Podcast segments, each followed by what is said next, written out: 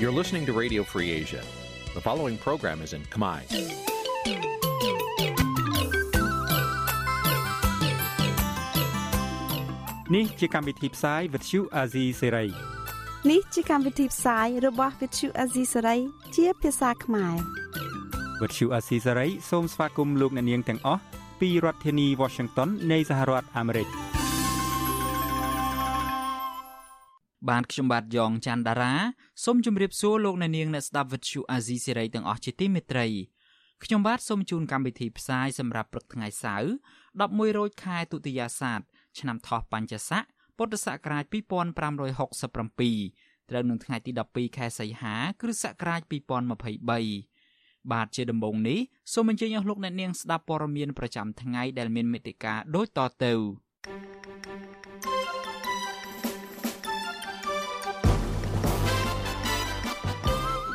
តំណាងរាស្ត្រមួយចំនួននៃគណៈបកកណ្ដាលអំណាចមានប្រវត្តិមិនល្អបរដ្ឋខ្មែរនៅប្រទេសជប៉ុនគ្រោងធ្វើបាតុកម្មប្រឆាំងលោកហ៊ុនម៉ាណែតថ្នាក់ដឹកនាំគណៈបកភ្លើងទៀនចិត្ត20នាក់រងការព្រមានចាប់ខ្លួនពីជនអនាមិកប្រវត្តិរបស់លោកសសុខារដ្ឋមន្ត្រីបន្តត្រកូលនៃក្រសួងមហាផ្ទៃ រួមនឹងព័ត៌មានសំខាន់សំខាន់មួយចំនួនទៀត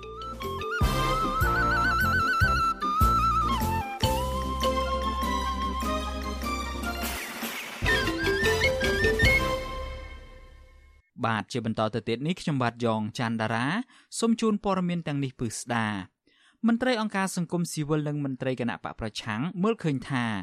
តំណាងរាស្ត្រដែលមកពីគណៈបកប្រជាជនកម្ពុជាមួយចំនួន មានប្រវត្តិប្រព្រឹត្តអំពើពុករលួយគំរាមកំហែងនិងយកដីធ្លីរបស់ប្រជាពលរដ្ឋពួកគាត់បារម្ភថាតំណាងរាស្ត្រទាំងនោះអាចនឹងបង្កើតច្បាប់ផ្សេងផ្សេងដើម្បីគៀបសង្កត់ទៅលើពលរដ្ឋថែមទៀតបាទអ្នកស្រីម៉ៅសុធានីរាយការណ៍ពុស្ដាអំពីរឿងនេះក្តីបារម្ភរបស់សង្គមស៊ីវិលនិងមន្ត្រីបពប្រឆាំងក្រោយតនន័យកំណត់ត្រាដែលជាប្រព័ន្ធផ្ទុកតនន័យ បង្កើតឡើងដោយមជ្ឈមណ្ឌលកម្ពុជាដើម្បីប្រព័ន្ធផ្សព្វផ្សាយឯករាជ្យហៅកាត់ថា CCIM នៅថ្ងៃទី10ខែសីហាបានដកស្រង់ប្រវត្តិសង្ខេបនៃតំណាងរាស្ត្រមកពីគណៈបកកណ្ដាលអំណាចនៅអាណត្តិទី7នេះដែលធ្លាប់មានប្រវត្តិប្រពុតបាត់ល្មើសនិងធ្វើបាបបរដ្ឋ តិន្នន័យកំណត់ត្រាថាតំណាងរាជខេត្តបន្ទាយមានជ័យលោកកែកំយ៉ានដែលជាអតីតអគ្គមេបញ្ជាការនៃកងយុទ្ធពលខេមរៈភូមិន្ទត្រូវបានបញ្ឈប់ពីតំណែងនៅឆ្នាំ2009ដោយសារបានប្រើប្រាស់អំណាចដើម្បីឲ្យឈ្មួញកណ្ដាលទិញដី ចំណែកតំណាងរាជខេត្តបន្ទាយមានជ័យម្នាក់ទៀតលោកស្រីកុសលបំពេញតួនាទីធ្វើជាអនុប្រធានទី1នៃអាជ្ញាធរកម្ចាត់មីនកម្ពុជា និងជាអនុប្រធានអាជ្ញាធរជាតិដោះស្រាយវិវាទដីធ្លីក៏ត្រូវបានចាប់ប្រកាន់និងត្រូវបានប្រជាប្រដ្ឋដាក់ពាក្យបណ្ដឹង ពីបទរំលោភយកដីនៅខេត្តឧត្តរមានជ័យនិងប្រើកំភ្លើងអាការ47គម្រាមសម្រាប់បរដ្ឋខេត្តបាត់ដំបងចំនួន4នាក់ ដែលលោកស្រីកុសលបានចោទបរដ្ឋថាបានកាប់ឈើខុសច្បាប់ចំណែកតំណាងរាជខេត្តបាត់ដំបងលោកឡៅហួរក៏មានតួនាទីជាអង្គញានិងជាឧត្តមសេនីយ៍ផ្កាយ3ក៏បានរងការចាប់ប្រកាន់ថាបានទន្ទ្រានដីប្រជាពលរដ្ឋនៅខេត្តកណ្ដាលរាប់ពាន់ហិកតារហូតដល់ឆ្នាំ2017ទើបលោកត្រូវបានបញ្ជាឲ្យប្រគល់ដីវិញ និងបាត់បង់តំណែងក្រសួងមហាផ្ទៃផងដែរ។ លោកឡៅហួរក៏ជាប់ក្នុងបញ្ជីខ្មៅរបស់ក្រសួងដែនដីសម្រាប់ការទន្ទ្រានយកដីនៅពេលនោះក៏ប៉ុន្តែក្រោយមកលោកត្រូវបានរដ្ឋាភិបាល សម្រាប់ផ្ដល់ដីបឹងជើងឯកជាង12ហិកតានៅឆ្នាំ2022 កំណត់ត្រាដដែលនោះក៏បានបង្ហាញឈ្មោះតំណាងរាជខេត្តកំពង់ស្ពឺលោកសេងញ៉ាក់ដែលជាអង្គញានិងជាកូនប្រសាររបស់ប្រធានសមាគមអង្គញានិងជាសមាជិកបដិភាលោកលីយ៉ុងផាត់ដែលល្បីខាងបណ្ដឹងចេញបរដ្ឋពីលំនៅឋានលោកសេងញ៉ាក់គឺជាអគ្គនាយកក្រុមហ៊ុនមួយចំនួនរបស់លោកលីយ៉ុងផាត់រួមទាំងភ្នំពេញ Sugar ដែលបានឈូសឆាយដីប្រជាពលរដ្ឋចំនួនជាង1100គ្រួសារដោយខុសច្បាប់ ចំណែកឯតំណាងរាជខេត្តកំពតលោកប៉ែនស៊ីម៉ុនវិញ ដែលជាអតីតប្រធាននាយកដ្ឋានគយនឹងរដ្ឋកោត្រូវបានចាប់ប្រកាន់ពីបទពុករលួយ នៅក្នុងនាយកដ្ឋានរបស់គាត់តំណាងរាជខេត្តកណ្ដាលលោកម៉ៅភើរុនដែលធ្លាប់ជាអភិបាលខេត្តកណ្ដាលក៏ត្រូវបានដកតំណែង ហើយអង្គភាពប្រឆាំងអំពើពុករលួយក៏ធ្លាប់បានបើកការស៊ើបអង្កេត លើករណីអំពើពុករលួយ ក្នុងតំណែងរបស់លោកជាចៅហ្វាយខេត្ត តំណាងរាជខេត្តព្រៃវែងលោកឈៀមជីបលោកមិនត្រូវបានគេកាត់ទោសពាក់ព័ន្ធនឹងការបើកបរបុកមនុស្សស្លាប់កាលពីឆ្នាំ2013ចំណែកតំណាងរាជខេត្តពោធិ៍សាត់វិញគឺលោកស៊ុយសែមដែលជាប្តីរបស់អ្នកស្រីជាខេងក៏ត្រូវបានចាត់ប្រកាន់ថាដណ្ដើមដីពីប្រជាពលរដ្ឋនៅក្នុងសហគមន៍លពីងខេត្តកំពង់ឆ្នាំង។ ក្រៅតែពីតំណាងរាស្ត្រដែលបានលើកឡើងខាងលើនេះតិន្នន័យកំណត់ត្រាក៏បានលើកឡើងពីតំណាងរាស្ត្រផ្សេងផ្សេងទៀតដែលជាប់ពាក់ព័ន្ធនឹងអំពើពុករលួយដណ្ដើមដីធ្លីប្រជាពលរដ្ឋនិងតំណាងរាស្ត្រទាំងនោះ មានខ្សែស្រឡាយជាប់តាក់ទងគ្នានៅក្នុងស្ថាប័ននានា អតីតមន្ត្រីជាន់ខ្ពស់គណៈបពប្រឆាំងលោកអ៊ុំសំអាន បានលើកឡើងថានៅក្នុងសង្គមប្រជាធិបតេយ្យតំណាងរាស្ត្រនីមួយៗគឺជាអ្នកមានសមត្ថភាព និងមានប្រវត្តិល្អដែលបានជួយសង្គមជួយប្រជាពលរដ្ឋក៏ប៉ុន្តែជាអកុសលនៅប្រទេសកម្ពុជាបច្ចុប្បន្នតំណាងរាស្ត្រមួយចំនួន គឺជាជនល្មើសគឺជាអ្នកប្រមាថមើងងាយនិងប្រើអំពើហិង្សាលើប្រជាពលរដ្ឋជាដើម លោកអ៊ុំសំអានថាជាក់ស្ដែងដូចជាលោកវងសោតដែលធ្លាប់គម្រាមវាយបរដ្ឋនិងដំបងឫស្សីបានក្លាយជាអនុប្រធានរដ្ឋាភិបាលដូច្នេះតំណាងរាស្ត្រដែលមានចរិតហិង្សារូបនេះនឹងប្រមាណជួយដល់ប្រដ្ឋនោះទេក៏ប៉ុន្តែផ្ទុយទៅវិញ លោកអាចចូលរួមបង្កើតច្បាប់ដើម្បីធ្វើទុកបុកម្នេញលើបរដ្ឋលោកវងសូតចឹងទៅទៀតខ្លាយទៅជាអនុប្រធានទី2រដ្ឋសភាចឹងទៅហើយធ្លាប់តែប្រមានថានឹងវេនឹងគោលរិស័យសម្រាប់អ្នកណាដែលហ៊ានតវ៉ាអញ្ចឹងដល់អញ្ចឹងនៅក្នុងសភាហ្នឹងឃើញប្រជាប្រដ្ឋតវ៉ាហ្នឹងមិនអោយតម្លៃប្រជាប្រដ្ឋទេ មានតែជួនបញ្ជូនប៉ូលីសហ្នឹងទៅយកគល់រស័យហ្នឹងទៅវាយប្រជាប្រដ្ឋបន្ថែមទៀតនៅខាងក្រុមហ៊ុន Nagawal ហើយតវ៉ានៅជាសភាហ្នឹងពេលតវ៉ាហ្នឹងមានវងសូតហ្នឹងប្រាប់ឲ្យសន្តិសុខឲ្យប៉ូលីសហ្នឹងថាយកគល់រស័យទៅវាយទៅ លោកអ៊ុំសំអានបន្ថែមថាផលប៉ះពាល់ដែលកើតឡើង ពីតំណាងរាស្ត្រដែលមានប្រវត្តិមិនល្អទាំងនោះនឹងធ្វើឲ្យលទ្ធិប្រជាធិបតេយ្យនិងការគោរពសិទ្ធិមនុស្សកាន់តែដុនដាបហើយផលវិបាកគឺប៉ះពាល់ដល់ប្រជាពលរដ្ឋដែលនាំឲ្យបាត់បង់ការងារធ្វើ បាត់បង់ដីធ្លីនិងបិទរោងចក្រជាដើម លោកបន្តថាដើម្បីដោះស្រាយបញ្ហាទាំងនេះប្រជាពលរដ្ឋគ្រប់រូបត្រូវតែសកម្មនិងឆ្លើយតបចំពោះការរំលោភបំពានពីសំណាក់អ្នកមានលុយមានអំណាចនឹងដូច្នេះដល់ប៉ះពាល់ផលប្រយោជន៍របស់គាត់នឹងដល់គាត់ស្រែកឡើងតវ៉ាឡើងមានមតិឡើងបើ អាហ្នឹងมันសិទ្ធិសេរីភាពរបស់គាត់ហ្នឹងត្រូវបានបើកចំហជាមុនបើមិនអញ្ចឹងទេអ្នកកាន់អំណាចគេបន់ឲ្យយើងស្កាត់អញ្ចឹងទៅគេសំណុកគ្រប់គ្រងយើងអញ្ចឹងសិទ្ធិសេរីភាពនោះมันអាចល្អប្រសើរឡើងនោះទេហើយការគ្រប់គ្រងមនុស្សហ្នឹងក៏មិនល្អប្រសើរប្រជាធិបតេយ្យមិនល្អប្រសើរដែរវិទ្យុអសីស្រីនៅមិនទាន់អាចសុំការឆ្លើយតបរឿងនេះពីអ្នកនាំពាក្យគណៈបកប្រជាជនកម្ពុជាលោកសុកអេសាន និងប្រធានរដ្ឋាភិបាលអាណត្តិទី7អ្នកស្រីខួនសូដារី បាននៅឡើយទេនៅថ្ងៃទី11ខែសីហាជំវិញរឿងនេះដែរនាយកទទួលបន្ទុកកិច្ចការទូតនៃអង្គការឃ្លាំមើលសិទ្ធិមនុស្សលីកាដូលោកអំសំអាត លើកឡើងថានេះជាក្តីព្រួយបារម្ភរបស់ពលរដ្ឋដែលជាម្ចាស់ឆ្នោតហើយមានតំណាងរបស់ខ្លួនធ្លាប់មានប្រវត្តិមិនល្អ ទោះយ៉ាងណាលោកអំសំអាតថាតំណាងរាស្ត្រនិងរដ្ឋាភិបាលនៅតែអាចកសាងជំនឿជឿជាក់ដល់បរដ្ឋឡើងវិញបើសិនជាពួកគេផ្លាស់ប្ដូរមកគិតគូរផលប្រយោជន៍ប្រជាបរដ្ឋជាធំអញ្ចឹងតំណាងរាស្ត្រមួយមួយវាតតែមានសក្តានុពលហើយមានប្រវត្តិល្អដែលជាជឿទុកចិត្តសម្រាប់រាស្ត្របានរាស្ត្រដែលជាម្ចាស់ឆ្នោតមានភាព ទុកចិត្តពីព្រោះអនាគតទៅរាជក៏អាចនឹងពឹងពាក់តាមតំណែងរបស់ខ្លួនហ្នឹងពីព្រោះរាជជាម្ចាស់ឆ្នោតអញ្ចឹងគាត់មានបញ្ហាគាត់ត្រូវពឹងពាក់តាមតំណែងរបស់ខ្លួនគឺតំណែងរាជហ្នឹងពាក់ព័ន្ធនឹងការបោះឆ្នោតកាលពីថ្ងៃទី23ខែកក្កដាកន្លងទៅនេះឧត្តមស្នងការសិទ្ធិមនុស្សអង្គការសហប្រជាជាតិ លោក Volker Turk មានប្រសាសន៍កាលពីថ្ងៃទី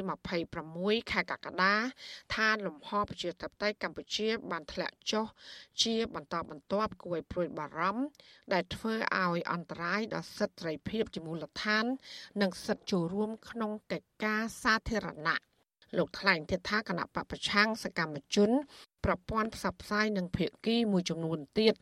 បានប្រឈមនឹងការគៀបសង្កត់ និងការសងសឹកដែលទំនងជាមានគោលបំណងទប់ស្កាត់ និងរារាំងដល់ការអនុវត្តសិទ្ធិភាពជាមូលដ្ឋាន ហើយដែលចាំបាច់សម្រាប់ការបោះឆ្នោតដោយសេរី និងមានការចូលរួមពេញលេញចាននាងខ្ញុំម៉ៅសុធានីវិទ្យុអាស៊ីសេរី ប្រធានាធិបតី Washington លោកអ្នកនាងកំពុងស្ដាប់ការផ្សាយរបស់វិទ្យុអាស៊ីសេរីពីរដ្ឋធានី Washington នៃសហរដ្ឋអាមេរិកនាយករដ្ឋមន្ត្រីចាំផ្ទះលោកហ៊ុនសែនបានបង្ហាញមុខគណៈរដ្ឋមន្ត្រីបន្តពូជសម្រាប់អាណត្តិទី7នេះហើយពួកគេភាកច្រើនជាប់ខ្សែស្រឡាយមេដឹកនាំក្រាក់ក្រាក់នៃរដ្ឋាភិបាលរបស់លោក មានជាអាច កូនប្រុសច្បងរបស់លោកគឺលោកហ៊ុនម៉ាណែតធ្វើជានាយករដ្ឋមន្ត្រីថ្មីហើយកូនលោកទាបាញ់គឺលោកទាសីហាធ្វើជារដ្ឋមន្ត្រីក្រសួងការពារជាតិ និងកូនប្រុសរបស់លោកសខេងគឺលោកសសុខាធ្វើជារដ្ឋមន្ត្រីក្រសួងមហាផ្ទៃជាដើមតើលោកសសុខាជានរណានិងមានប្រវត្តិការងារយ៉ាងណាខ្លះបាទលោកអ្នកនាងនឹងបានស្ដាប់សេចក្តីរាយការណ៍នេះពឹស្ដានៅពេលបន្តិចទៀតនេះ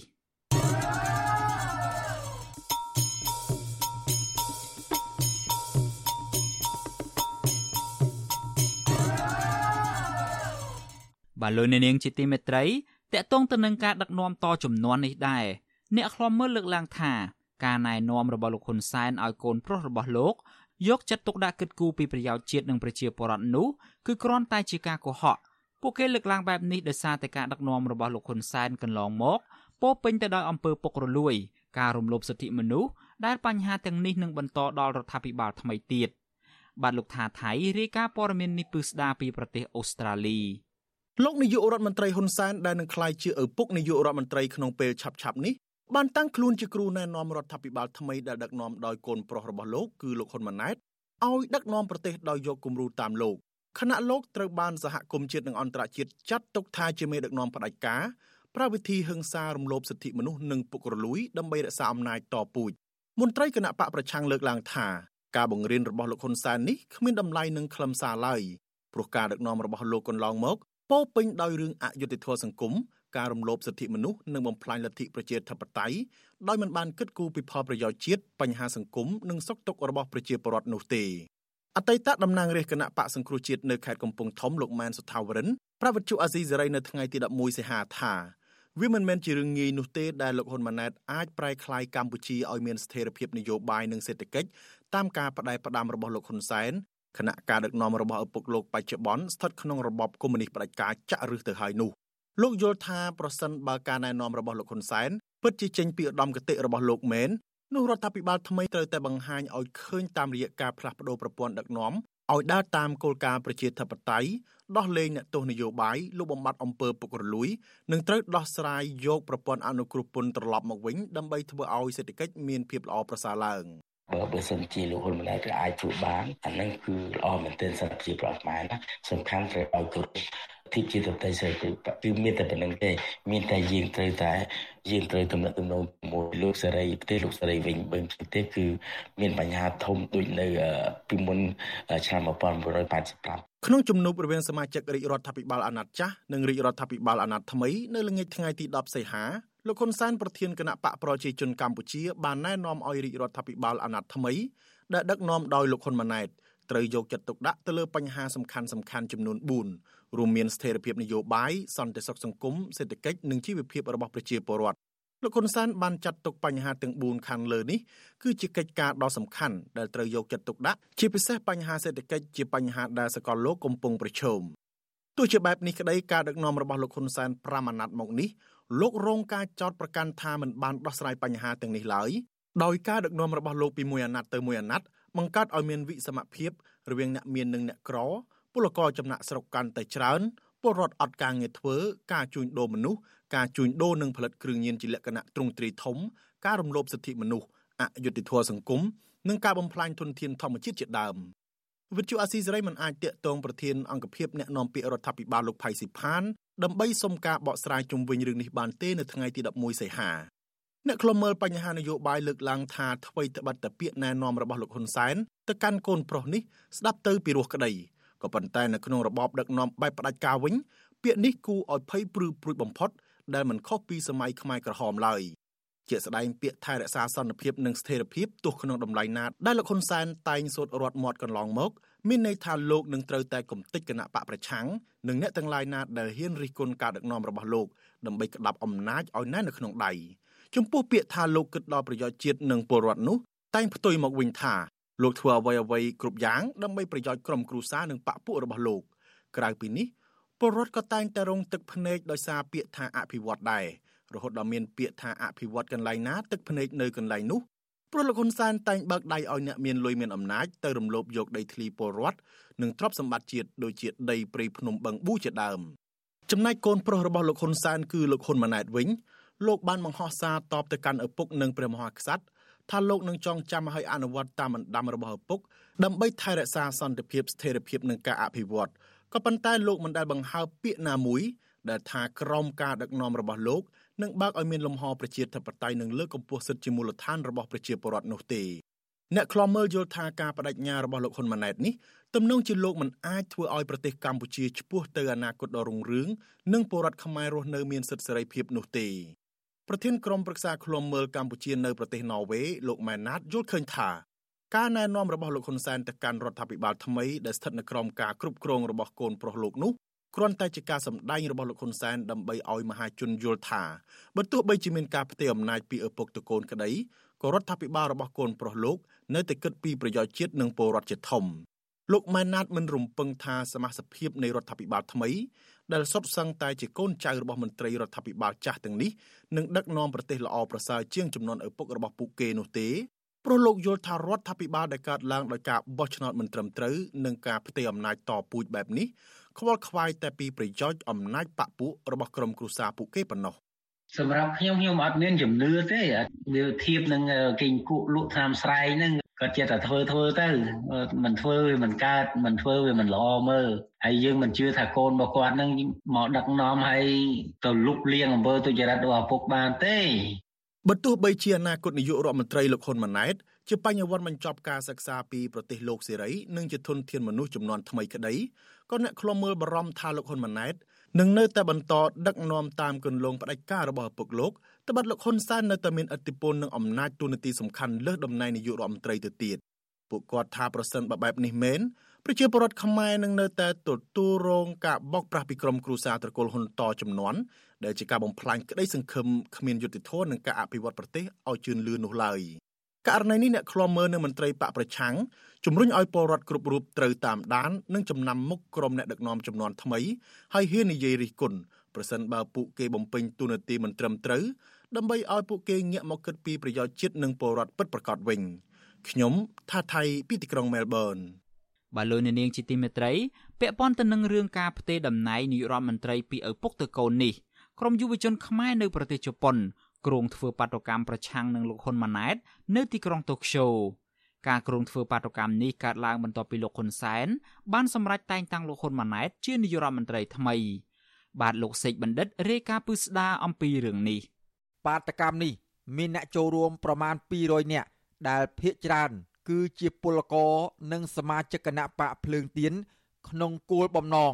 មិនទទួលស្គាល់លោកហ៊ុនម៉ាណែតជានាយករដ្ឋមន្ត្រីប្រឆាំងនឹងការផ្ទេរអំណាចតពូជនិងស្នើដល់រដ្ឋាភិបាលជប៉ុនគុំទទួលស្គាល់រដ្ឋាភិបាលคล้ายคล้ายពលរដ្ឋខ្មែររស់នៅប្រទេសជប៉ុន លោកស្រីមាសភិរា ប្រាប់បទសុអាស៊ីសេរី នៅថ្ងៃទី11សីហាថា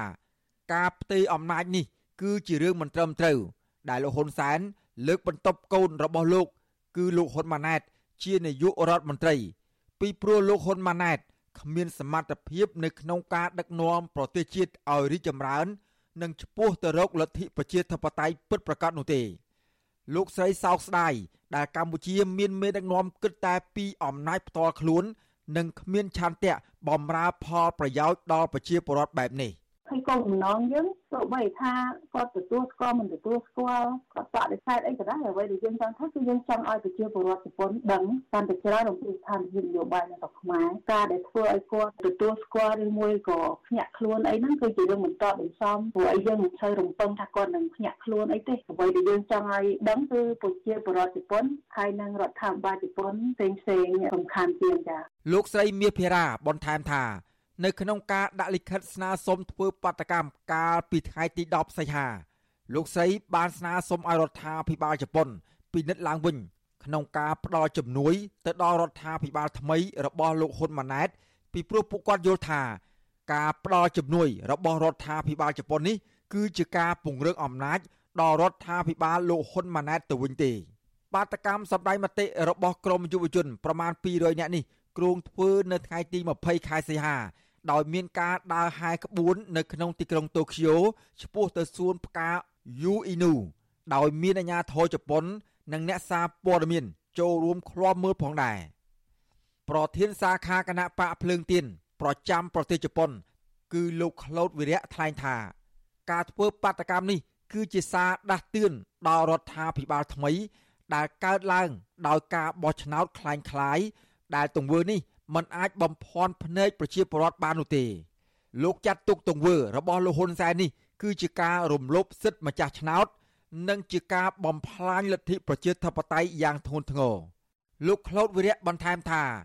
លោកទទួលបានការយកចិត្តទុកដាក់ពីរដ្ឋាភិបាលជប៉ុន ដោយរដ្ឋាភិបាលជប៉ុនខ្នះខ្នែងជួយសម្របសម្រួលដល់ពលរដ្ឋខ្មែរដែលមានបំណងធ្វើបាតកម្មនិងបារម្ភពីសុខភាពរបស់ពួកគាត់ពីព្រោះខែនេះ គឺមេឃក្តៅខ្លាំងផ្ទុយពីរដ្ឋាភិបាលកម្ពុជា នៅពេលដែលពលរដ្ឋឬក្រមយុវជន ធ្វើបាតកម្មដោយអហិង្សាម្ដងម្ដង តែងតែមានការធ្វើទុកបុកម្នេញការតាមថតរូបគម្រាមកំហែង និងប្រើអំពើហិង្សាលើក្រុមបាតកោជាដើម។ ចំពោះខ្ញុំ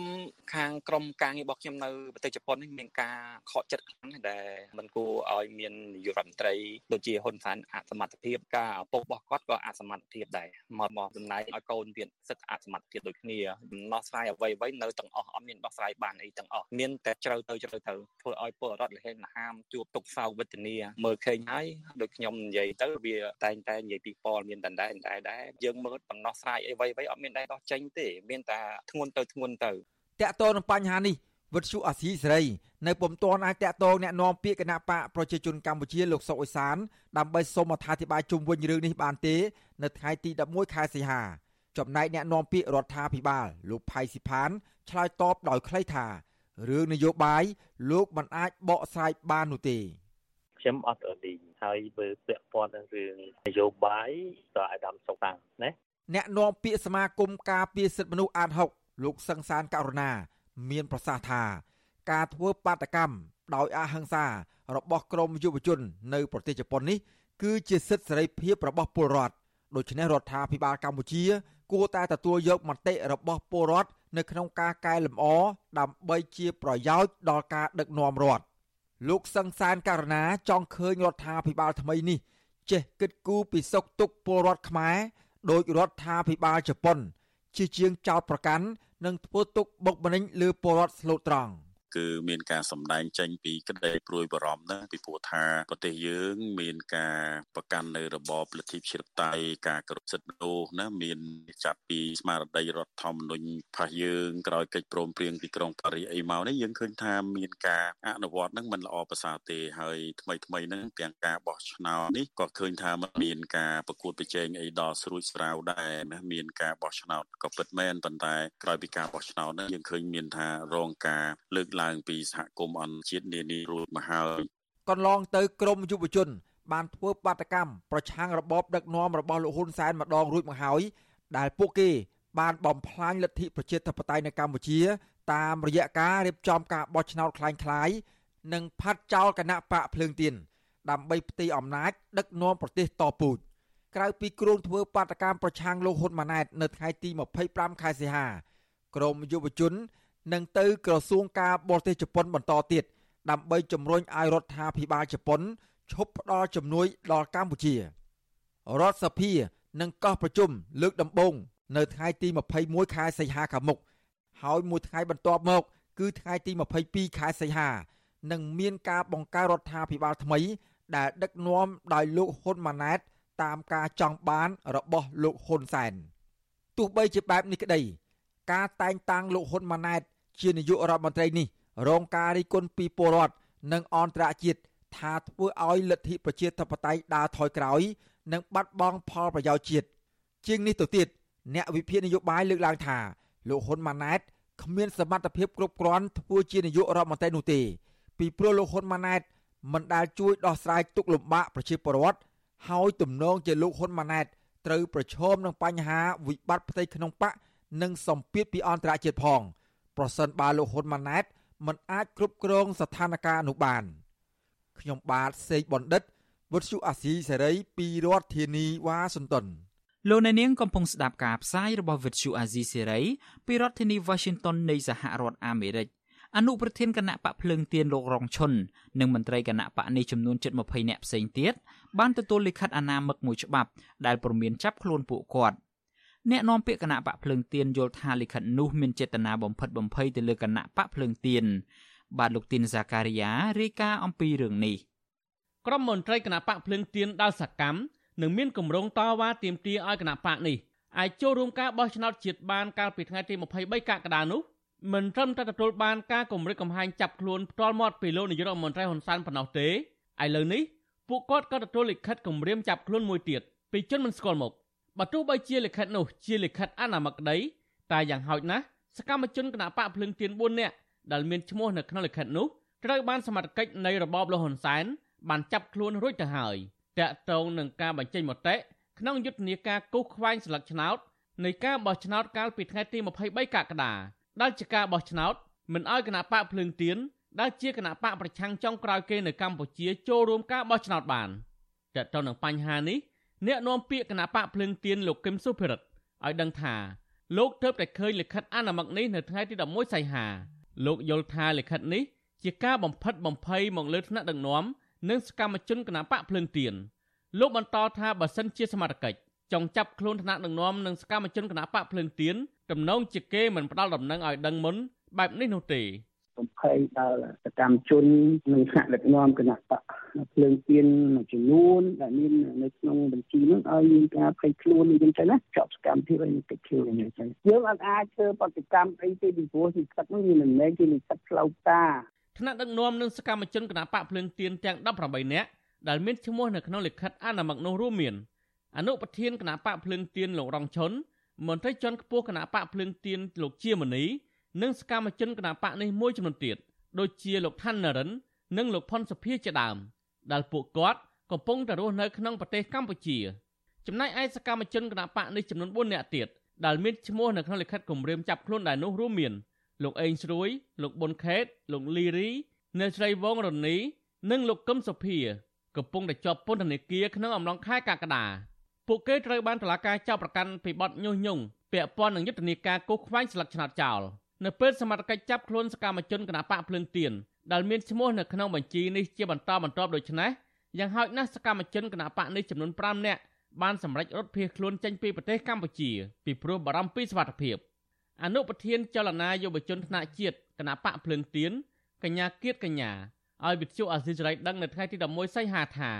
កញ្ញាបានភៀសខ្លួនមកដល់ប្រទេសថៃជាងមួយសប្តាហ៍ហើយក្រោយពេលឃើញមានឈ្មោះរបស់កញ្ញានៅក្នុងលិខិតនោះ កញ្ញាមិនដឹងពីមូលហេតុដែលកញ្ញាមានឈ្មោះនៅក្នុងលិខិតអនាមិកនោះទេទោះជាយ៉ាងណាកញ្ញាបញ្ជាក់ថាកាលពីមុនថ្ងៃបោះឆ្នោតកញ្ញាធ្លាប់បាននិយាយតាមរយៈការផ្សាយលើទំព័រ Facebook ថាបើប្រជាពលរដ្ឋមិនទៅបោះឆ្នោតក៏គ្មានទោសដែរសកម្មជនគណបកភ្លើងទៀនរូបនេះប្រាប់ថាកញ្ញាបារម្ភពីសុវត្ថិភាពពីព្រោះក្រុមការងាររបស់កញ្ញាដែលមានឈ្មោះនៅក្នុងលិខិតគម្រាមកំហែងចាប់ខ្លួននេះមួយចំនួនត្រូវបានសមត្ថកិច្ចរដ្ឋាភិបាលលហ៊ុនសែនចាប់ខ្លួនជាបន្តបន្ទាប់ ចាប់ហើយបានគាត់ចេញដីកាដល់ពេលអញ្ចឹងខ្ញុំបារម្ភទី1ដូចបញ្ហាដែលយើងឃើញចាប់គ្នាយើងបន្តបន្ទាប់ដល់អញ្ចឹងហើយបាទខ្ញុំសម្រេចចិត្តថាខ្ញុំភៀសខ្លួនចេញមកទៅពួកអីយើងឥឡូវចាប់ឆាវឆាវយកទោះបីអត់ដីកាមិនមានដីកាអីត្រូវចាប់គាត់ចាប់សំបីទៅផុស status លក្ខណៈជាភាសាមួយក៏ក៏គេចោទយើងថាយើងញុះញង់រីឯអនុប្រធានគណៈបកភ្លឹងទៀនលោករងឈុនវិញដែលលោកមានឈ្មោះនៅក្នុងលិខិតអនុម័តគម្រាមចាប់ខ្លួនដែរនោះអះអាងថា លោកមិនព្រួយបារម្ភចំពោះការគម្រាមកំហែងនេះទេលោករងឈុនបន្ថែមថាលោកក៏មិនចាកចេញពីប្រទេសកម្ពុជានោះដែរពីព្រោះថាលោកគ្មានប្រព្រឹត្តទង្វើអ្វីខុសច្បាប់នោះឡើយយើងមិនបានប្រព្រឹត្តកំហុសអ្វីដូច្នេះគ្មានអ្វីដែលយើងត្រូវអភ័យខ្លាចទេ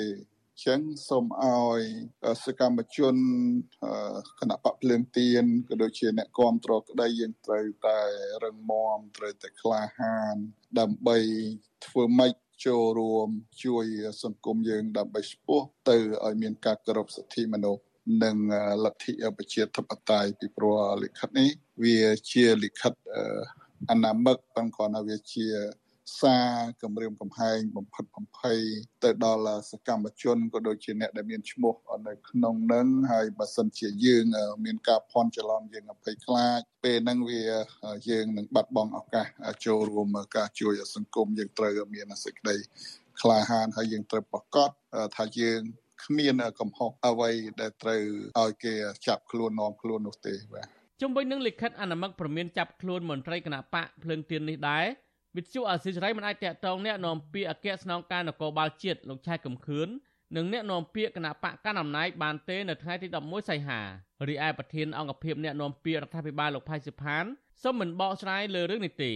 ដែលលោកបញ្ជាក់ថាលោកអស់ភារកិច្ចក្នុងការផ្ដល់បទសម្ភាសន៍ដល់អ្នកសារព័ត៌មានទៀតហើយលោកជំរុញឲ្យសួរនាំបញ្ហានេះពីបេក្ខជនរដ្ឋមន្ត្រីក្រសួងព័ត៌មានថ្មីគឺលោកណេតភេត្រាទោះបីជាបែបនេះក្តី វិទ្យុអាស៊ីសេរីមិនអាចសុំការបំភ្លឺពីលោកណេតភេត្រាបានទេនៅថ្ងៃទី11សីហានេះចំណែកឯអ្នកនាំពាក្យក្រសួងមហាផ្ទៃលោកខៀវសុភ័ក្រឲ្យវិទ្យុសំឡេងសារអាមេរិក VOA ដឹងថាសមត្ថកិច្ចមិនជាប់ពាក់ព័ន្ធនឹងលិខិតនេះទេទោះបីជាបែបនេះក្តីប្រធានអង្គការសម្ព័ន្ធភាពការពារសិទ្ធិមនុស្សកម្ពុជាហកថាច្រាក់លោករស់សុថាយល់ឃើញថាលិខិតគម្រាមនេះជាសញ្ញាមួយប្រាប់ទៅថ្នាក់ដឹកនាំនិងសកម្មជនគណបកភ្លឹងទៀនគួរតែមានការប្រុងប្រយ័ត្នហើយលិខិតនេះ ក៏ជាការប្រមានលើសកម្មជនគណបកប្រឆាំងផងដែរលោកបន្ថែមថាគណៈបកភ្លើងទៀនគួរតែជូនដំណឹងនេះទៅសមត្ថកិច្ចឲ្យបានដឹងដើម្បីមានវិធានការទោះបីជាបែបនេះក្តីមន្ត្រីសិទ្ធិមនុស្សរូបនេះចង់ឃើញរដ្ឋាភិបាលថ្មីគួរតែយកចិត្តទុកដាក់ជួយដោះស្រាយបញ្ហាដល់គណៈបកភ្លើងទៀន។ ខ្ញុំជឿជាក់ថារដ្ឋាភិបាលថ្មីសេះក្រសួងមហាផ្ទៃជាអ្នកពាក់ព័ន្ធនយោបាយពាក់ព័ន្ធធ្វើយ៉ាងម៉េចជួយមើលខុសត្រូវដល់គេហៅគណៈបកព្រឹកទៀនហ្នឹងបើសិនជាយើងឈរលើគោលការណ៍សេរីប្រជាធិបតេយ្យសេរីពូបកយើងត្រូវមើលការខ្វះខាតគណៈបកព្រឹកទៀនហ្នឹងតែគណៈបកព្រឹកទៀនមិនបានចូលរួមការបោះឆ្នោតលើកលើកនេះគឺថាឲ្យมันមានធ្វើបាតកម្មมันមានតវ៉ាអីហ្នឹងគឺជាការសម្របសម្រួលមួយធំណាតើតើនឹងការលើកឡើងនេះអ្នកនាំពាក្យគណៈបកភ្លើងទៀនលោកកឹមសុភិរិទ្ធបញ្ជាក់ថា គណៈបកភ្លើងទៀនមិនបានយកលិខិតអនុម័តនោះទៅប្តឹងសមត្ថកិច្ចនោះទេពីព្រោះគណៈបកភ្លើងទៀនមិនដឹងថាត្រូវចោទប្រកាន់ទៅលើអ្នកណាលោកថាស្ថានភាពនៅពេលនេះគឺគណៈបកភ្លើងទៀនគួរតែរក្សាភាពស្ងៀមស្ងាត់និងរងចាំមើលស្ថានភាពជាក់ស្ដែងគណៈបកភ្លើងទៀនដែលមានបរិវត្តបោះឆ្នោតគាំទ្រជិត2លាននាក់កាលពីឆ្នាំ2022គណៈបកនេះកោជបមិនអនុញ្ញាតឲ្យចូលរួមការបោះឆ្នោតជាតិកាលពីថ្ងៃទី23កក្កដានោះទេពីព្រោះកោជបដែលរងការចោទប្រកាន់ថា ស្ថិតនៅក្រោមអធិបតេយ្យរបស់លោកហ៊ុនសែននោះបានលើកយកហេតុផលថាគណៈបកនេះគ្មានឯកសារចុះបញ្ជីគណៈបកច្បាប់ដើមគណៈបកភ្លើងទៀនដែលជាគណៈបកប្រឆាំងចុងក្រោយនៅកម្ពុជា ពេលនេះតែងតែទទួលរងការធ្វើទុកបុកម្នេញតាមផ្លូវតុលាការដោយថ្នាក់ដឹកនាំនិងសកម្មជនគណៈបកនេះមួយចំនួនកំពុងជាប់ពន្ធនាគារក្រៅពីនេះសកម្មជនគណៈបកនេះមួយចំនួនទៀតរងការវាយដំធ្វើបាប ហើយសមត្ថកិច្ចមិនដារកជនប្រព្រឹត្តឃើញម្ដងណានោះឡើយ។ ខ្ញុំបាទទីនសាការីយ៉ាអាស៊ីសេរីប្រធានាធិបតី Washington អាស៊ីសេរីបាទលោកអ្នកនាងជាទីមេត្រីខ្ញុំបាទសូមជម្រាបជូនលោកអ្នកនាងកញ្ញាទាំងអស់ឲ្យបានជ្រាបថាវិទ្យុអាស៊ីសេរីនៅពេលនេះមានការផ្សាយនៅតាមវិទ្យុរលកថេដាកាខ្លីឬមួយក៏ short wave តាមកម្រិតនិងកម្ពស់ថ្មីមួយគឺតាមកម្រិតនិងកម្ពស់ដូចតទៅនេះ បាទពេលព្រឹកគឺចាប់ពីម៉ោង5កន្លះដល់ម៉ោង6កន្លះតាមរយៈប៉ុស SW 12.14 MHz ស្មើនឹងកម្ពស់ 25m និងប៉ុស SW 13.71 MHz ស្មើនឹងកម្ពស់ 22m ពេលយប់ចាប់ពីម៉ោង7កន្លះដល់ម៉ោង8កន្លះតាមរយៈប៉ុស SW 9.33 MHz ស្មើនឹងកម្ពស់ 32m ប៉ុស SW 11.88 MHz ស្មើនឹងកម្ពស់ 25m និងប៉ុស SW 12.15 MHz ស្មើនឹងកម្ពស់ 25m បាទសូមអរគុណ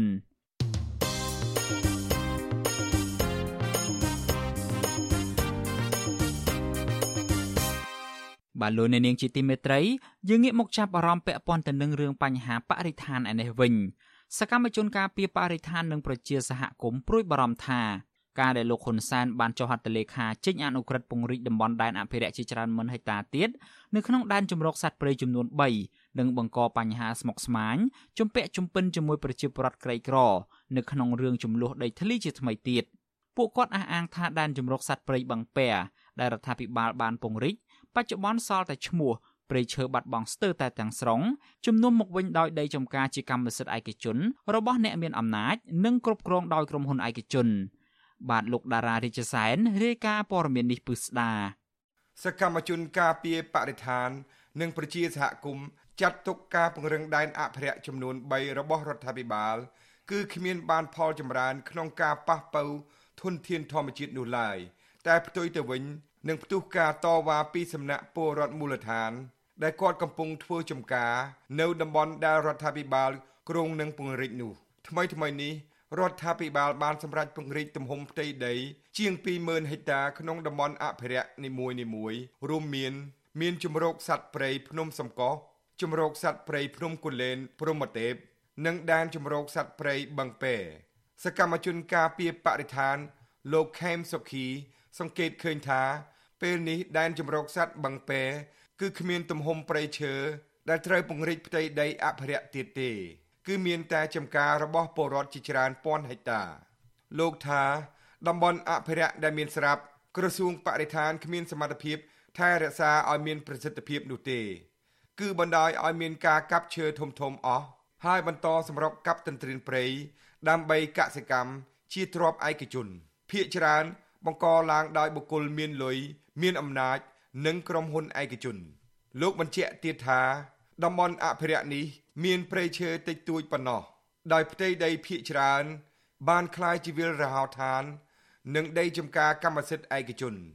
បើព្រៃបឹងពៀវិញវាសឹងតែថាបាត់បង់ទៅហើយបាត់បង់ទាំងស្រុងព្រោះថាដាច់ចង់ដូចស្បែកខ្លាទៅហើយហ្នឹងដាច់ជាកលាជាកលាអស់ហើយហើយវាមានដីចង្ការចន្ទីដីចង្ការដលងមានរួមទាំងប្រជាពលរដ្ឋមានរួមទាំង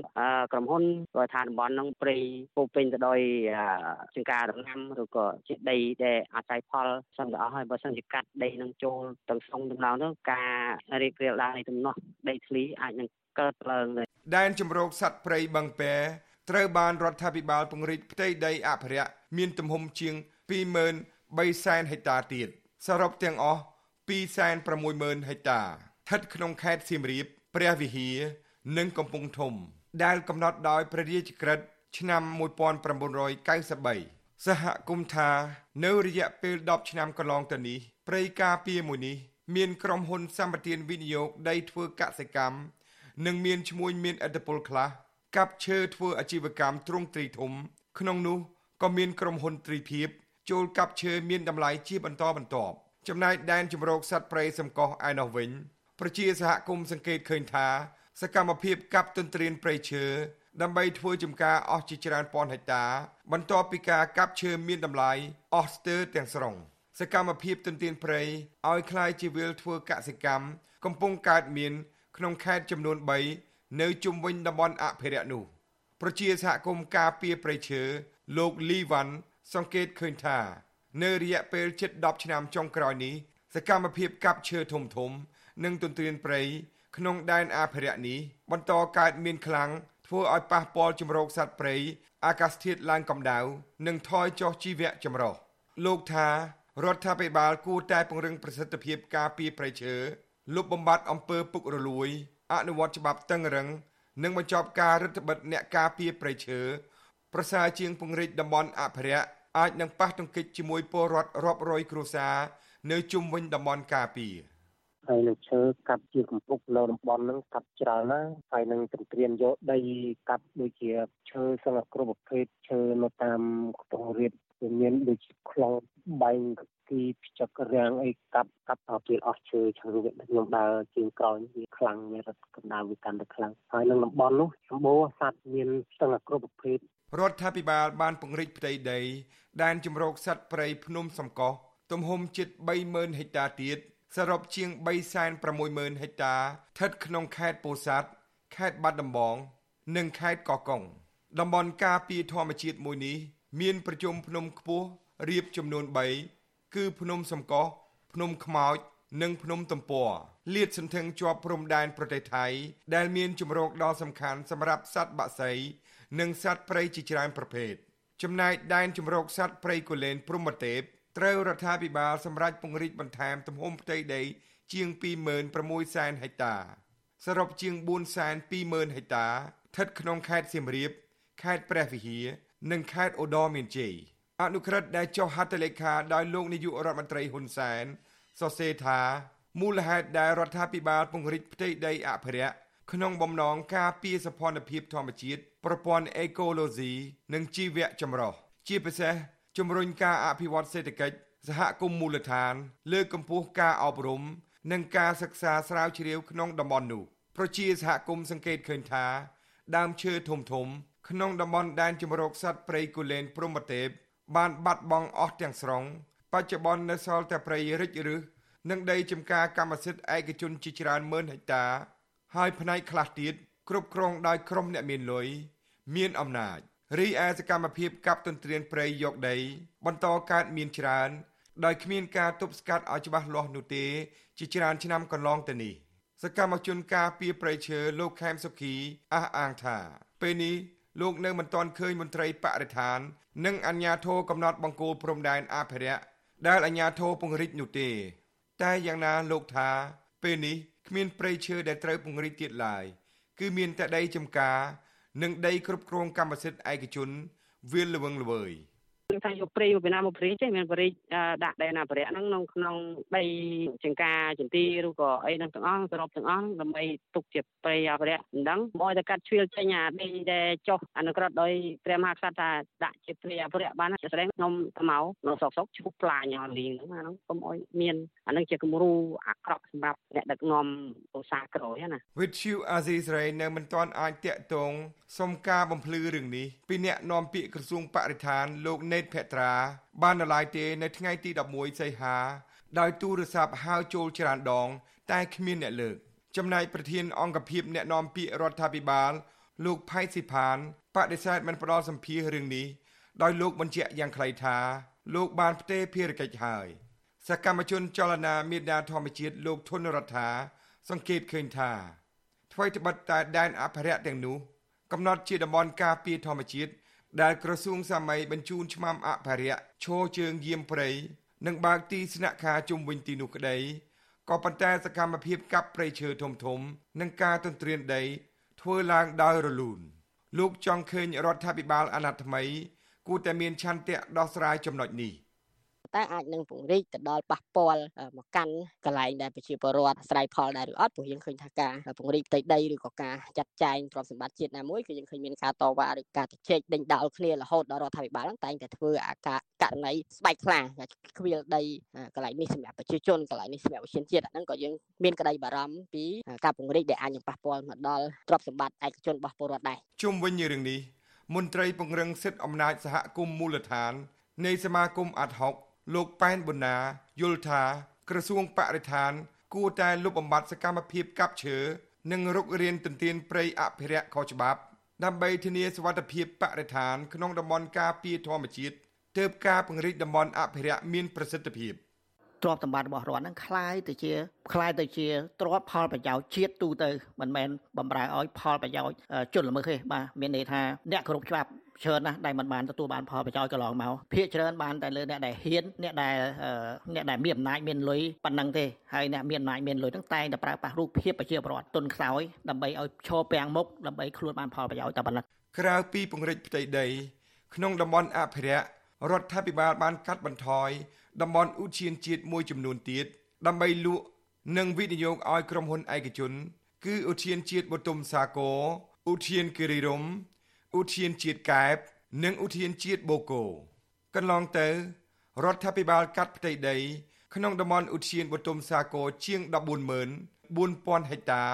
លក់ឲ្យវិស័យឯកជនទៅវិញ ធ្វើឲ្យមានការបំផ្លាញព្រៃឈើខ្នាតធំដោយសារលោកនាយករដ្ឋមន្ត្រីហ៊ុនសែនបានសញ្ញេពុះលក់ដីព្រៃនៅតំបន់នោះដើម្បីលក់ឲ្យក្រុមហ៊ុនឯកជន និងក្រុមហ៊ុនអង្គការមានអំណាច សកម្មភាពឈូសឆាយព្រៃដ៏ធំល្វឹងល្វើយ និងដុតកំទេចព្រៃឲ្យคล้ายជាវាលដើម្បីសាងសង់រីសូតផ្ទះវិឡាកន្លែងកំសាន្តបែបអភិជន និងពុះដីលោលក់នៅតែបន្តយ៉ាងសស្រាក់សស្រាំនេះបើយោងតាមការស្រាវជ្រាវរបស់ក្រមយុវជនចលនាមេដាធម្មជាតិក្រមយុវជនបន្ថែមថារដ្ឋាភិបាលគួរតែខ្មាស់ដូនតា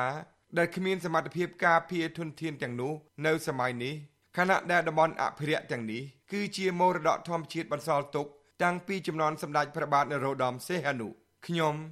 ដារ៉ារាជសាន with you Azizi Saray ទីក្រុង Adelaide អាស៊ីសេរីបាទលោកអ្នកនាងជាទីមេត្រីយើងងាកមកចាប់អារម្មណ៍ពាក់ព័ន្ធទៅនឹងរឿងតឡាការឯនេះវិញព្រះមហាក្សត្រនរោត្តមសីហមុនីបានចេញអនុក្រឹត្យកាលពីថ្ងៃទី11ខែសីហា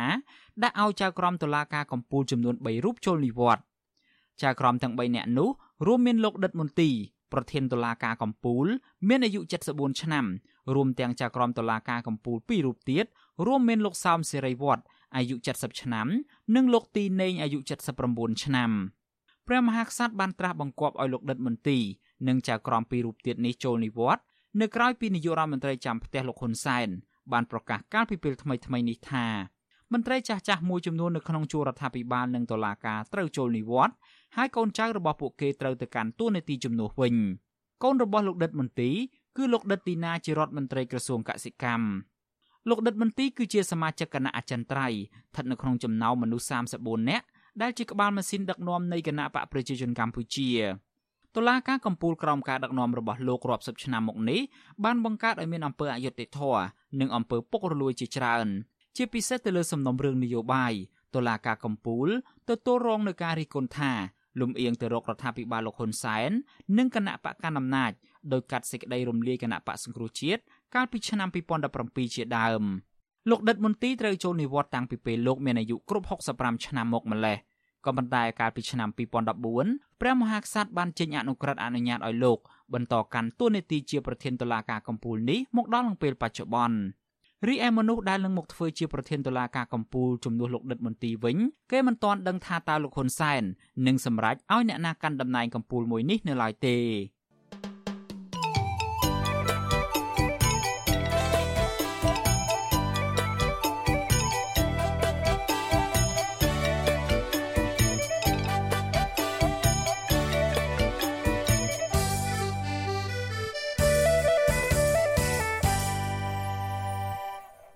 លោកអ្នកនាងកំពុងស្ដាប់ការផ្សាយរបស់ Vuthu Azizi Serai ពីរដ្ឋធានី Washington នៃសហរដ្ឋអាមេរិកនាយករដ្ឋមន្ត្រីចាំផ្ទះលោកហ៊ុនសែនបានបង្ហាញមុខគណៈរដ្ឋមន្ត្រីបន្តពូជសម្រាប់អាណត្តិទី7នេះហើយពួកគេភាកច្រើនជាប់ខ្សែស្រឡាយមេដឹកនាំក្រាក់ក្រាក់នៃរដ្ឋាភិបាលរបស់លោក មានជាអាច កូនប្រុសច្បងរបស់លោកគឺលោកហ៊ុនម៉ាណែតធ្វើជានាយករដ្ឋមន្ត្រីថ្មីហើយកូនលោកទាបាញ់គឺលោកទាសីហាធ្វើជារដ្ឋមន្ត្រីក្រសួងការពារជាតិ និងកូនប្រុសរបស់លោកសខេងគឺលោកសសុខាធ្វើជារដ្ឋមន្ត្រីក្រសួងមហាផ្ទៃជាដើមតើលោកសសុខាជានរណានិងមានប្រវត្តិការងារយ៉ាងណាខ្លះបាទសូមលោកអ្នកនាងស្ដាប់សេចក្តីរាយការណ៍នេះពឺស្ដារបស់លោកសេកបណ្ឌិតដូចតទៅលោកសសុខា ជាកូនប្រុសច្បងរបស់លោកសខេងរដ្ឋមន្ត្រីក្រសួងមហាផ្ទៃនិងជាអនុប្រធានគណៈបកប្រជាជនកម្ពុជាលោកកើតនៅឆ្នាំ1981នៅខេត្តព្រៃវែង ហើយរៀបការជាមួយអ្នកស្រីកែសួនសុភី មានកូន4នាក់ក្នុងនោះ កូនប្រុស2នាក់និងកូនស្រី2នាក់ប្រពន្ធរបស់លោកសសុខា ជាកូនស្រីពៅ របស់នាយឧត្តមសេនីយ៍កែកំយ៉ាន ដែលជាឧបនាយករដ្ឋមន្ត្រីទទួលបន្ទុកអាជ្ញាធរជាតិប្រយុទ្ធប្រឆាំងគ្រឿងញៀនជាមួយអ្នកស្រីម៉ៅម៉ាឡៃកែកំយ៉ាន ដែលជាបុគ្គលដ៏មានឥទ្ធិពលម្នាក់នៅខេត្តភៀកពាយ័ព្យ ដែលជាប់ពាក់ព័ន្ធក្នុងរឿងច្បាមយកដីពលរដ្ឋនៅតំបន់ព្រំដែនខេត្តបន្ទាយមានជ័យកន្លងមកមានពលរដ្ឋរាប់រយគ្រួសារដែលមានទំនាស់ដីធ្លីជាមួយអ្នកស្រី ពួកគេតែងតែតវ៉ានិងប្តឹងទៅអាជ្ញាធរតាំងពីថ្នាក់មូលដ្ឋាន រហូតដល់ថ្នាក់ជាតិប៉ុន្តែពុំមានអាជ្ញាធរណាហ៊ានដោះស្រាយជូនពួកគាត់ឡើយហើយថែមទាំងចាប់ពលរដ្ឋមួយចំនួនដាក់ពន្ធនាគារទៀតផង ចំពោះប្រវត្តិសិក្សា របស់អនាគតរដ្ឋមន្ត្រីក្រសួងមហាផ្ទៃលោកសសុខាវិញលោកបានទៅសិក្សានៅប្រទេសលោកសេរីខាងលិច គឺប្រទេសបារាំង តាំងពីលោកវ័យ13ឆ្នាំ និងទទួលបានសញ្ញាបត្របណ្ឌិតទោះជាយ៉ាងណាពុំមានឯកសារណាបញ្ជាក់ថា លោករៀនចប់បរិញ្ញាបត្រអនុបណ្ឌិត និងបណ្ឌិតជំនាញអ្វីច្បាស់លាស់នោះទេ ដោយគ្រាន់តែបញ្ជាក់ថា លោកបានសិក្សាផ្នែកអភិវឌ្ឍជនបទវិទ្យាសាស្ត្រអប់រំ គ្រប់គ្រង ច្បាប់ស៊ីវិលគ្រប់គ្រងរដ្ឋបាលថ្នាក់ក្រោមជាតិនគរបាលនិងជំនាញយោធាហើយចេះភាសាបារាំងនិងអង់គ្លេសក្រៅពីនេះលោកក៏បានទៅសិក្សានៅប្រទេសអាល្លឺម៉ង់សាធារណរដ្ឋឆេកនិងប្រទេសសិង្ហបុរីដែរប៉ុន្តែក៏ពុំមានឯកសារបង្ហាញថា លោកសិក្សាជំនាញអ្វីដែរលោកសសុខា ក្នុងវ័យ42ឆ្នាំធ្វើត្បិតជាកូនមន្ត្រីជាន់ខ្ពស់ នៃរដ្ឋាភិបាលលហ៊ុនសែនក្តីក៏លោកទើបលេចមុខជាសាធារណៈប្រមាណជា10ឆ្នាំចុងក្រោយនេះទេក្នុងរយៈពេលជាង10ឆ្នាំមកនេះលោកធ្លាប់ធ្វើជានគរបាលក្របខ័ណ្ឌក្រសួងមហាផ្ទៃជាជំនួយការឪពុករបស់លោក គឺលោកសខេងជាស្នងការរងនគរបាលរាជធានីភ្នំពេញទទួលបន្ទុកសំណាប់ធ្នាប់ និងជារដ្ឋលេខាធិការក្រសួងអប់រំក្រៅពីនេះលោកត្រូវបានតែងតាំងជាប្រធានក្រុមប្រឹក្សាភិបាល នៃសាកលវិទ្យាល័យជាតិមានជ័យក្នុងខេត្តបន្ទាយមានជ័យសាកលវិទ្យាល័យជាតិបាត់ដំបងក្នុងខេត្តបាត់ដំបង និងសាកលវិទ្យាល័យជាតិជាស៊ីមកំចាយមៀខេត្តព្រៃវែងបន្ថែមពីលើនេះទៀតលោកសសុខាក៏ត្រូវបានតែងតាំងធ្វើជាប្រធានសហភាពសហព័ន្ធយុវជនកម្ពុជាហៅកាត់ថាសសយក របស់គណៈបកកណ្ដាលអំណាចខេត្តព្រៃវែងបាត់ដំបង និងខេត្តបន្ទាយមានជ័យដែរ យុវជនសសយកនេះ ជាទូទៅ ធ្វើការងារបម្រើផលប្រយោជន៍របស់គណៈបកកណ្ដាលអំណាច មានដូចជាចុះសង្កេតការបោះឆ្នោតជាដើម លោកសសុខាថ្វីបើបានទៅរៀននៅប្រទេសសេរីក្តីតែលោកហាក់ជាមនុស្សមានចិត្តចង្អៀតចង្អល់លើការសម្ដែងមតិរបស់ប្រជាពលរដ្ឋលោកធ្លាប់អះអាងថាពលរដ្ឋកម្ពុជា មានសិទ្ធិសេរីភាពច្រើនហួសហេតុពេកហើយដូច្នេះតើពលរដ្ឋចង់បានប៉ុណ្ណាទៀត ខ្ញុំមិនដឹងថាសិទ្ធិអីទៀតឥឡូវតាំងពីសម័យពលពតមកសិទ្ធិយើងចង់ស្មើសូន្យឥឡូវយើងដល់ប៉ុណ្ណឹងមិនដឹងរកសិទ្ធិអីទៀតឥឡូវ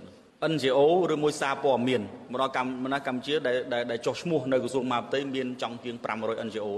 related ជាមួយសារព័ត៌មានសួរយើងអត់មានសិទ្ធិសេរីភាពមែនសូមបញ្ជាក់គាត់ថានៅឡាវមានដល់10ទេប្រជាពលរដ្ឋក៏គាត់តែ8លានដែរយើងមានតែ6 10លានយើងមានដល់500ជាងគិតទៅតើយើងមានសិទ្ធិសេរីភាពប៉ុណ្ណាក្នុងការបញ្ចេញមតិធម្មតាបញ្ចេញមតិធម្មតាកុំឲ្យប៉ះពាល់គេបានហើយ បាទសិទ្ធិរបស់គេมันអាចប៉ះពាល់ងាកមកមើលការងារជាតំណាងរាស្ត្រវិញម្ដង លោកសសុខាធ្វើជាតំណាងរាស្ត្រគណៈបកប្រជាជនកម្ពុជា នៅមណ្ឌលព្រៃវែងរយៈពេល2អាណត្តិមកហើយហើយការបោះឆ្នោតអាណត្តិថ្មីនេះលោកក៏ជាប់ឆ្នោតជាតំណាងរាស្ត្រខេត្តព្រៃវែងដែរបើទោះបីជាបេក្ខជនរដ្ឋមន្ត្រីក្រសួងមហាផ្ទៃបន្តវេនដែលស៊ីកេពីឪពុករូបនេះបានរៀនសូត្រចេះដឹងពីបរទេសក្តី ក៏ក្នុងអំឡុងពេលធ្វើជាតំណាងរាស្ត្រពីអាណត្តិមកនេះលោកមិនដែលបានជួយដោះស្រាយក្តីកង្វល់របស់ប្រជាពលរដ្ឋដែលរងគ្រោះដោយសារបញ្ហាផ្សេងផ្សេងក្នុងទូនាទីជាតំណាងរាស្ត្រទៅតាមច្បាប់នោះឡើយមន្ត្រីសម្របសម្រួលសមាគមការពារសិទ្ធិមនុស្សអាត6ប្រចាំនៅខេត្តព្រៃវែងអ្នកស្រីអៀងកឹមលីមានប្រសាសន៍ថាកន្លងមកប្រជាពលរដ្ឋមួយចំនួន បានតវ៉ានៅខាងមុខសាលាខេត្តផង និងនៅមុខសាលាដំបងខេត្តព្រៃវែងផង ដើម្បីទាមទារឲ្យអាជ្ញាធរជួយដោះស្រាយបញ្ហារបស់ពួកគេក៏ប៉ុន្តែពុំដាល់ឃើញមុខលោកសសុខា ជួយអន្តរាគមដល់ពួកគាត់ម្ដងណាឡើយដែលខ្ញុំឃើញដែលឮថាមានមកវត្តគាត់រីងធំហ្នឹងភាគច្រើនដូចជារៀបចំកម្មវិធីដូចទូកវែងអីហ្នឹងអាហ្នឹងដឹងថាគាត់រៀបចំឡើងគាត់ធ្វើអីចឹងទៅក្រោមការដឹកនាំរបស់គាត់អីឬក៏ កម្មវិធីប្រកួតកីឡាដូចកាលមិញហ្នឹង SEA Games ស៊ីអីចឹងទៅអាហ្នឹងគាត់ដាក់កម្មវិធីប្រចាំង slide ប្រចាំងអីដើម្បីប្រជាពលរដ្ឋបានចូលរួមតែបើការងារផ្សេងពីនោះទៀតខ្ញុំដូចជាមិនបានទទួលព័ត៌មានអីថាគាត់ធ្វើអីបានជាដុំកំពូនទេ ការងារលេចធ្លោមួយរបស់លោកសសុខាគឺការបំផុសឲ្យអាជ្ញាធររៀបចំសង្ក្រាននៅខេត្តព្រៃវែងបាត់ដំបង និងខេត្តបន្ទាយមានជ័យនិងជាអ្នកផ្ដួចផ្ដើមឲ្យមានការផលិតទូកងវែងជាងគេ នៅពិភពលោក នៅខេត្តព្រៃវែងដែលពុំសូវមានផលប្រយោជន៍ដល់សង្គមជាតិឡើយលោកសសុខាជាមនុស្សមិនសូវហ៊ឺហានោះទេរូបថតនៅលើបណ្ដាញសង្គម Facebook របស់លោកបង្ហាញថា លោកតែងតែនាំប្រពន្ធរបស់លោក គឺអ្នកស្រីកែសួនសុភីអមដំណើរលោកស្ទើរតែគ្រប់កម្មវិធីសំខាន់សំខាន់ដូចជាចុះជួបក្រុមការងារយុវជនសសយកក្នុងកម្មវិធីប្រកួតកីឡា និងចុះតាមមូលដ្ឋានជាដើម ក្នុងកម្មវិធីទាំងនោះបេក្ខជនរដ្ឋមន្ត្រីក្រសួងមហាផ្ទៃរូបនេះតែងតែអប់រំព្រៀនប្រដៅដល់មន្ត្រីរាជការនិងក្រមយុវជនសសយក ថាមិនត្រូវកិច្ចវេះក្នុងការដោះស្រាយបញ្ហានោះទេពលបើទោះបីជាបញ្ហាស្មុគស្មាញយ៉ាងណាក៏ដោយក៏ត្រូវតែដោះស្រាយឲ្យបានដែរចឹងហើយអានេះយើងដូចគ្នាដែរយើងត្រូវតែរឹងប៉ឹងខ្លួនឯងហើយជាពិសេស ប្រជុំមិនមែនប្រជុំពាក់មុខយ៉ាក់ដាក់គ្នាទេប្រជុំលើកបញ្ហាដែលមានរករំដោះស្រាយដែលមានបើយើងដោះថ្ងៃហ្នឹងមិនបានយើងនឹងខំប្រឹងប្រែងបន្តដោះទៀតកុំឲ្យដោះថ្ងៃហ្នឹងមិនបានຕົកយូរយូរទៅដូចខ្ញុំត្រឡប់វិញមកលងយើងវិញលោកសសុខាពូកែខាងអប់រំគេប៉ុន្តែលោកប្រហែលជាមិនពូកែអប់រំគ្រួសាររបស់ខ្លួនឯងនោះទេ ប្រពន្ធរបស់លោកសសុខា គឺអ្នកស្រីកែសួនសុភី មានរឿងអាស្រូវជាប់ពាក់ព័ន្ធការឆោបបោកប្រាក់ពលរដ្ឋ ប្រពន្ធរបស់លោកសសុខា គឺអ្នកស្រីកែសួនសុភី មានរឿងអាស្រូវជាប់ពាក់ព័ន្ធនឹងការឆោបបោកប្រាក់ពលរដ្ឋអ្នកស្រីកែសួនសុភី មានជាប់ពាក់ព័ន្ធនឹងការបង្កើតក្រុមហ៊ុនវិនិយោគហិរញ្ញវត្ថុ Gold FX Investment ដែលជាប់ចោតឆោបបោកប្រាក់ពលរដ្ឋជិត30លានដុល្លារកាលពីឆ្នាំ2021ដែលអ្នកស្រីជាប្រធានក្រុមប្រឹក្សាភិបាលក្រុមហ៊ុនមួយនេះ អ្នកវិនិយោគដែលរងគ្រោះបាត់លុយជាមួយក្រុមហ៊ុននេះប្រមាណ6000នាក់ហើយទំហំទឹកប្រាក់ដែលបាត់បង់មានប្រមាណ27លានដុល្លារអាមេរិកជនរងគ្រោះមួយចំនួនធំ គឺជាអ្នកចំនួន ជាមន្ត្រីរាជការ និងជាសមាជិករបស់គណៈបកប្រជាជនកម្ពុជា វិធីឆោបបោកប្រាក់របស់ក្រុមហ៊ុននេះ គឺលួងលោមឲ្យដាក់វិនិយោគជាមួយនឹងក្រុមហ៊ុននេះជាថ្នូរនឹងការទទួលបានអត្រាការប្រាក់ខ្ពស់ ជាងដាក់ប្រាក់នៅតាមធនាគារឬគ្រឹះស្ថានមីក្រូហិរញ្ញវត្ថុនៅដើមខែដំបូងពួកគាត់អាចទទួលបានការប្រាក់ចំណេញប្រមាណ10%ប៉ុន្តែនៅខែបន្តបន្ទាប់មកទៀតនោះចំនួនទឹកប្រាក់បានធ្លាក់ចុះនិងបាត់លុយចេញពីគណនីតែម្ដងទោះជាយ៉ាងណា ដោយសារករណីនេះពាក់ព័ន្ធនឹងក្រុមហ៊ុន ដែលស្ថិតនៅក្រោមការគ្រប់គ្រងរបស់មន្ត្រីកម្ពូលកម្ពូលនៃគណៈបកកណ្ដាលអំណាចបែបនេះ ការដោះស្រាយទំនងជាធ្វើឡើងដោយស្ងាត់ស្ងាត់និងមិនចង់ឆ្លងកាត់តុលាការនោះទេព្រោះនេះជាករណីដ៏គួរឲ្យអាម៉ាស់សម្រាប់ក្រមអិសរាជជននយោបាយនៃគណៈបកកណ្ដាលអំណាចនិងអ្នកជំនួញកាលពីដើមខែមេសាឆ្នាំ2021ជំនួយការផ្ទាល់របស់លោកនាយករដ្ឋមន្ត្រីហ៊ុនសែននិងជារដ្ឋលេខាធិការទីស្តីការគណៈរដ្ឋមន្ត្រីលោកដួងតារាបានបង្ហោះសារនៅលើទំព័រ Facebook ថា លោកបានទទួលពាក្យបណ្ដឹងពីប្រជាពលរដ្ឋជាច្រើនអ្នកដែលជាអ្នកដាក់ប្រាក់វិនិយោគជាមួយក្រុមហ៊ុនមួយនេះដើម្បីស្នើសុំឲ្យលោកនាយករដ្ឋមន្ត្រីហ៊ុនសែនជួយដោះស្រាយលោកស្នើសុំឲ្យជនរងគ្រោះរក្សាភាពស្ងៀមស្ងាត់និងចូលរួមរកដំណោះស្រាយដោយសន្តិវិធី លោកសង្ឃឹមថាករណីនេះនឹងមានដំណោះស្រាយនៅក្រៅប្រព័ន្ធតុលាការ តែទោះយ៉ាងណា លោកសសុខា នឹងក្លាយជារដ្ឋមន្ត្រីក្រសួងមហាផ្ទៃនៃរដ្ឋាភិបាលអាណត្តិថ្មី របស់លោកហ៊ុនម៉ាណែត ក្នុងពេលឆាប់ឆាប់ខាងមុខនេះហើយថ្មីថ្មីនេះលោកបានចេញលិខិតអបអរសាទរលោកហ៊ុនម៉ាណែត ដែលត្រូវបានព្រះមហាក្សត្រចាត់តាំងឲ្យធ្វើជានាយករដ្ឋមន្ត្រីថ្មីវិទ្យុអាស៊ីសេរីនៅមិនទាន់អាចតាក់ទងលោកសសុខាដើម្បីសាកសួរអំពីការឡើងកាន់តំណែង ជារដ្ឋមន្ត្រីក្រសួងមហាផ្ទៃនេះបាននៅឡើយទេ នៅថ្ងៃទី10ខែសីហាទោះយ៉ាងណា អ្នកវិភាគនយោបាយលោកកឹមសុខយល់ថា លោកសសុខាអាចនឹងដើរតាមគន្លងឪពុករបស់លោក ដែលបណ្ដោយឲ្យអាជ្ញាធរថ្នាក់ក្រោមជាតិធ្វើទុកបុកម្នេញដល់ក្រុមអ្នកតវ៉ាដែលស្វែងរកយុត្តិធម៌សង្គមនិងរកដំណោះស្រាយបញ្ហាផ្សេងផ្សេងតាមអំពើចិត្តនោះ ប្រសិនបើលោកមិនយកចំណេះដឹងដែលរៀនសូត្រ ពីប្រទេសលោកសេរី មកប្រើប្រាស់ឲ្យបានត្រឹមត្រូវតាមការសិក្សានោះទេខ្ញុំបាទសេកបណ្ឌិតវិទ្យុអាស៊ីសេរីពីរដ្ឋធានីវ៉ាស៊ីនតោន